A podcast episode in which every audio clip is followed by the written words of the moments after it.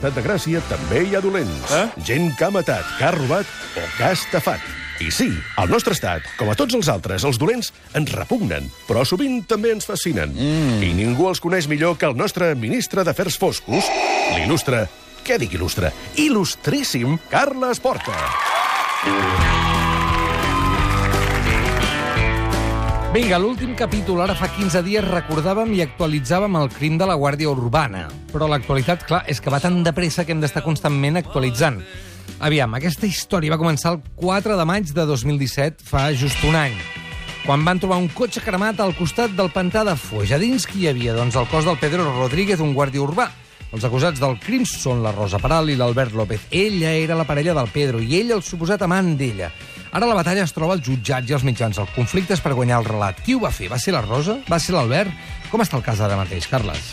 Molt bé, ha passat coses que anirem explicant, però avui, sobretot, farem una comparació entre els relats de la Rosa i de l'Albert. Anem a pams. Després de molts mesos, els investigadors han aconseguit desbloquejar el mòbil de la Rosa Peral i han trobat alguns elements que semblarien importants.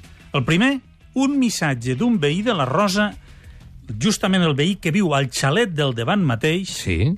que li preguntava a la Rosa si la nit del 2 al 3 de maig, és a dir, la nit després de l'assassinat, havien fet servir una serra mecànica a casa.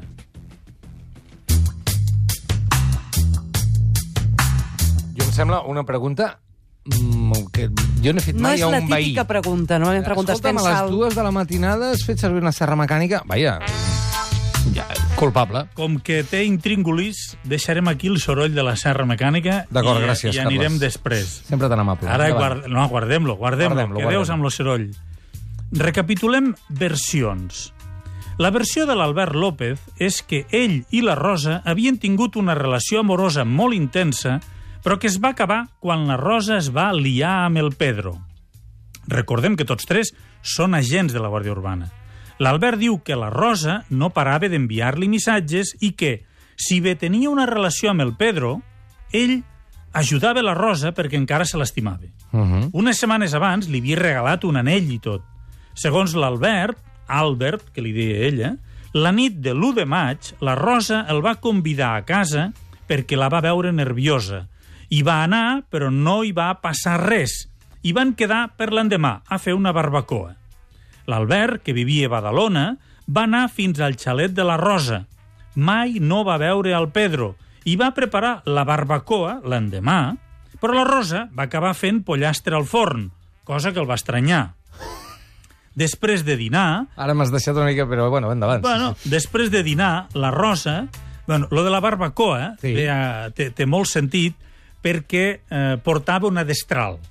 És A- veritat, a la per zona hi ha d'haver una destral. És veritat. Aquella destral la va fer servir el Pedro, el, perdó, l'Albert per tallar la llenya per Sí, fer la barbacoa. Però al final va fer forn. Mm, va? I al final va sortir la Rosa aportant pollastre al forn. D'acord, d'acord, d'acord. Després de dinar, la Rosa li va dir que entrés al garatge del xalet i l'Albert diu que allí va veure com regalimava sang del maleter.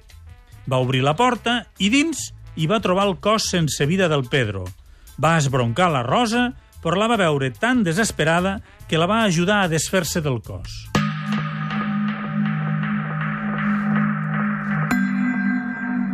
Tots dos van agafar el cotxe del Pedro. El cotxe del Pedro el conduïa la Rosa Sí. i el cotxe de l'Albert el conduïa el propi Albert, Uh -huh. que anava darrere. Aquí hi ha un parell de versions diferents. A la versió de l'Albert, qui anava davant era la Rosa amb el cotxe del Pedro. D'acord, D'acord? Molt bé. Uh, què, què va passar? Van anar fins al pantà Fins de al Foix. pantà, sí. Allí van col·locar el cotxe del Pedro en un descampat i, segons l'Albert, perquè estem repassant la versió de l'Albert, va ser la Rosa qui va ruixar el cotxe de gasolina i li va posar foc. Sí. En aquesta versió dels fets entraria en joc que una de les filles de la Rosa va dir al seu pare, al mosso, el Rubén, Sí. Que no està acusat de res, doncs aquesta filla li havia dit al pare que el Pedro hauria pegat a la Rosa. Uh -huh.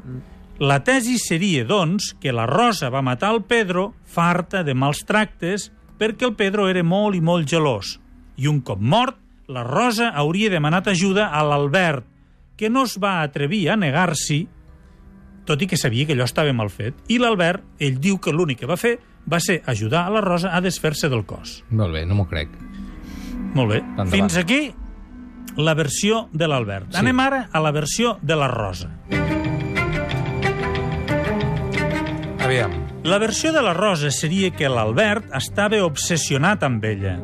I tot i que ella li havia dit mil vegades que estava molt bé amb el Pedro, l'Albert no parava d'assetjar-la i amenaçar-la, fins que hi va haver dos elements d'ignició. D'una banda, que la Rosa va dir que es volia casar amb el Pedro i tenir fills, i d'una altra, que el Pedro hauria amenaçat amb denunciar l'Albert per la mort de l'indigent de Montjuïc. Ah, és veritat. Davant d'això, sempre segons la Rosa, el dia 1 de maig de 2017, l'Albert es va presentar al xalet de Vilanova i la Geltrú, va saltar la tanca de la casa amb una motxilla en la que portava una destral i amb la pistola a la mà va amenaçar la Rosa, que li, la va obligar a tancar-se a l'habitació amb les nenes i, atenció, hauria matat el Pedro. L'hauria posat al maleter del cotxe i hauria amenaçat a la Rosa perquè l'ajudés a cremar el cos i el cotxe. No cola. Detall de les últimes versions. La Rosa diu que no va saber que el Pedro era el maleter del cotxe fins que li van dir els Mossos i que sempre va actuar moguda per una por terrible a l'Albert i per les múltiples amenaces. A la Rosa li agraden homes molt fortots. Tant l'Albert com el Pedro feien metro 90 i pesaven més de 100 quilos. La Rosa diu que ella va acompanyar l'Albert a cremar el cotxe i que en algun moment es va pensar que també la cremaria amb ella. A qui us creieu? A l'Albert. Perquè és que no té cap sentit que ella es tanqui a l'habitació de les nenes i l'altre vagi a matar-lo, no senti res, les nenes no sentin res... Uh, no té cap sentit. I una serra? Sentirien una serra? Però era l'endemà. Ara hi tornarem, ara hi anirem. Un És moment. veritat, la serra. Un moment, un parèntesi, un parèntesi judicial. Els advocats de la Rosa van presentar el recurs contra el seu empresonament provisional i, segons va publicar el Carlos Quílez, la sala novena de l'Audiència Provincial va ratificar la presó provisional per dos vots contra un. El president d'aquella sala va dir que ell creia que la Rosa no s'havia pogut defensar prou bé. Mm. Ai, ai, ai... Però per dos a un continua a la presó. Tornem a les versions. Hi ha una altra versió possible, que és que ho haguessin fet tots dos junts. Qui va matar realment al Pedro Rodríguez? Tots dos junts. Jo cada cop que dius una cosa me la crec. Sí, l'última, no? Serà que difícil de saber, però el jurat popular, que per cert, ja hem dit mil vegades que si voleu fer de jurat no hauríeu d'escoltar això, però bueno. El jurat popular el que haurà de decidir i els jutges hauran de sentenciar. Què hi diuen els investigadors basant-se en els fets? Doncs com que encara estan treballant i encara hi ha molts dubtes, millor fem un repàs dels fets irrefutables i que cadascú es faci la seva idea. Per cert, hem parlat de la serra, oi? Sí, Mm? Del veí, sí. Recordeu el missatge del veí de la Rosa? Sí. sí. Qui Què era? faria anar una motosserra Ara. de matinada? De, ah, clar. Qui? Potser algú que està esquarterant un cos? Molt bé. Algú que talla les cames a un home de metro 90 perquè no cap al maleter d'un Volkswagen Golf? Que també és d'una mica del gènere burro fer-ho de nit. Que és quan hi ha menys soroll. No corris, no corris, president, no corris. Home. L'autòpsia no ha pogut determinar si li van tallar o no les cames. Estava tan calcinat que no, no es pot saber. Podria ser, però les restes recollides estaven... Recordeu que les van recollir amb bossetes i va quedar cendra, poca cosa. Continuen intentant trobar coses, eh? però això no és TSI i van més a poc a poc. Però sí que tindria lògica, perquè per posar un cos de 100 quilos i metro 90 al maleter d'un golf no és tan fàcil. No, no, s'ha de tallar, clar. La serra la va fer servir la Rosa Sí. o l'Albert? Sí. Si va ser la nit del dia 2, la nit del dia 2, les geolocalitzacions telefòniques Tots dos. diuen que hi eren tots dos. Tots dos dos. Ah, El amigo. que diguis tu. Voleu més enredos? Sí, senyor.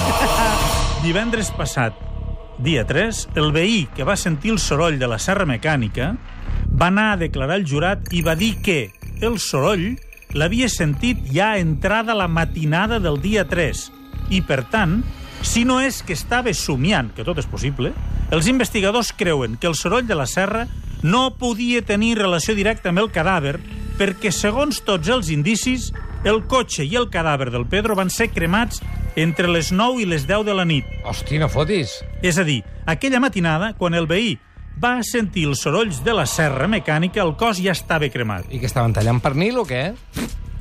A la millor, a la millor, no va sentir el soroll. A lo millor la volia Un- incriminar. Un penúltim detall. Hem dit que això de la serra s'ha sabut gràcies als missatges de WhatsApp del telèfon de la Rosa. No és que aquest veí hagi anat a denunciar-ho. Doncs bé, aquesta mateixa conversa amb el veí del xalet del davant continua Adiós. amb un altíssim contingut sexual. Bueno. I el veí va reconèixer davant la jutgessa que també va tenir un lío amb la Rosa. O sigui que pot ser que el veí, per X, Y o Z, la vulgui incriminar, perquè està despechado. Mm, La veritat és que ara aquests missatges són del dia dels fets. No són d'ara, són del dia dels fets. En aquells moments, no sé, la millor el que volia era tornar a tenir contacte. Ja. I es va inventar lo de la, lo de la serra o no. Jo què sé, vés a sàpiga. Suposo que l'interrogaran i ho haurà d'explicar. És allò que... Bueno, és igual, tira, tira. tira. El que està clar és que el Pedro el van matar la nit del dia 1 de maig.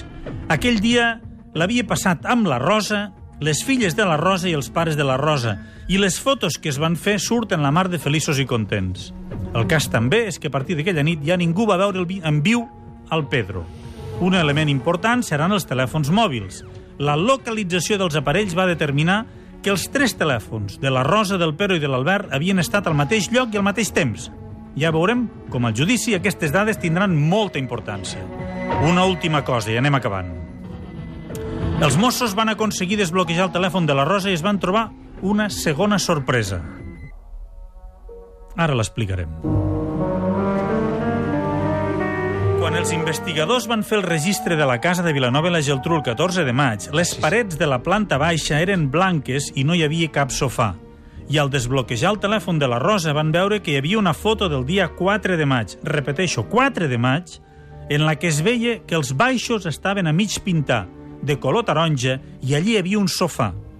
Per què podia ser important el 4 de maig? Doncs perquè aquell dia la Rosa i l'Albert van participar en un dinar amb altres companys de la Guàrdia Urbana i aquell dia van passar dos detalls importants. D'una banda, que la Rosa es va deixar fer una foto on treu la llengua i sembla que està molt contenta. I feia tres dies que la seva parella, el Pedro, hauria mort i dos que hauria estat cremat.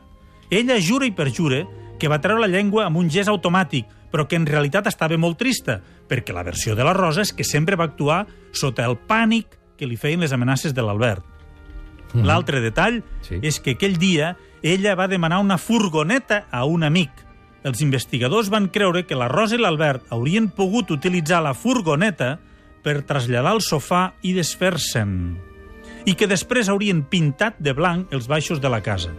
No fa gaire van tornar a escorcollar el xalet de Vilanova i no van poder constatar que sota de la pintura hi hagués sang. Es veu que van trobar més taques de sang, però al terra i en una bombeta. Aquesta història crec que encara donarà més voltes. Qui va matar el Pedro? La Rosa, l'Albert o tots dos? Ja us he dit abans, això no és TSI, s'ha de tenir paciència i en un cas com aquest, on les declaracions dels acusats són tan contradictòries, acabaran manant els detalls irrefutables. N'estarem al cas. Moltes gràcies, Carles Porta.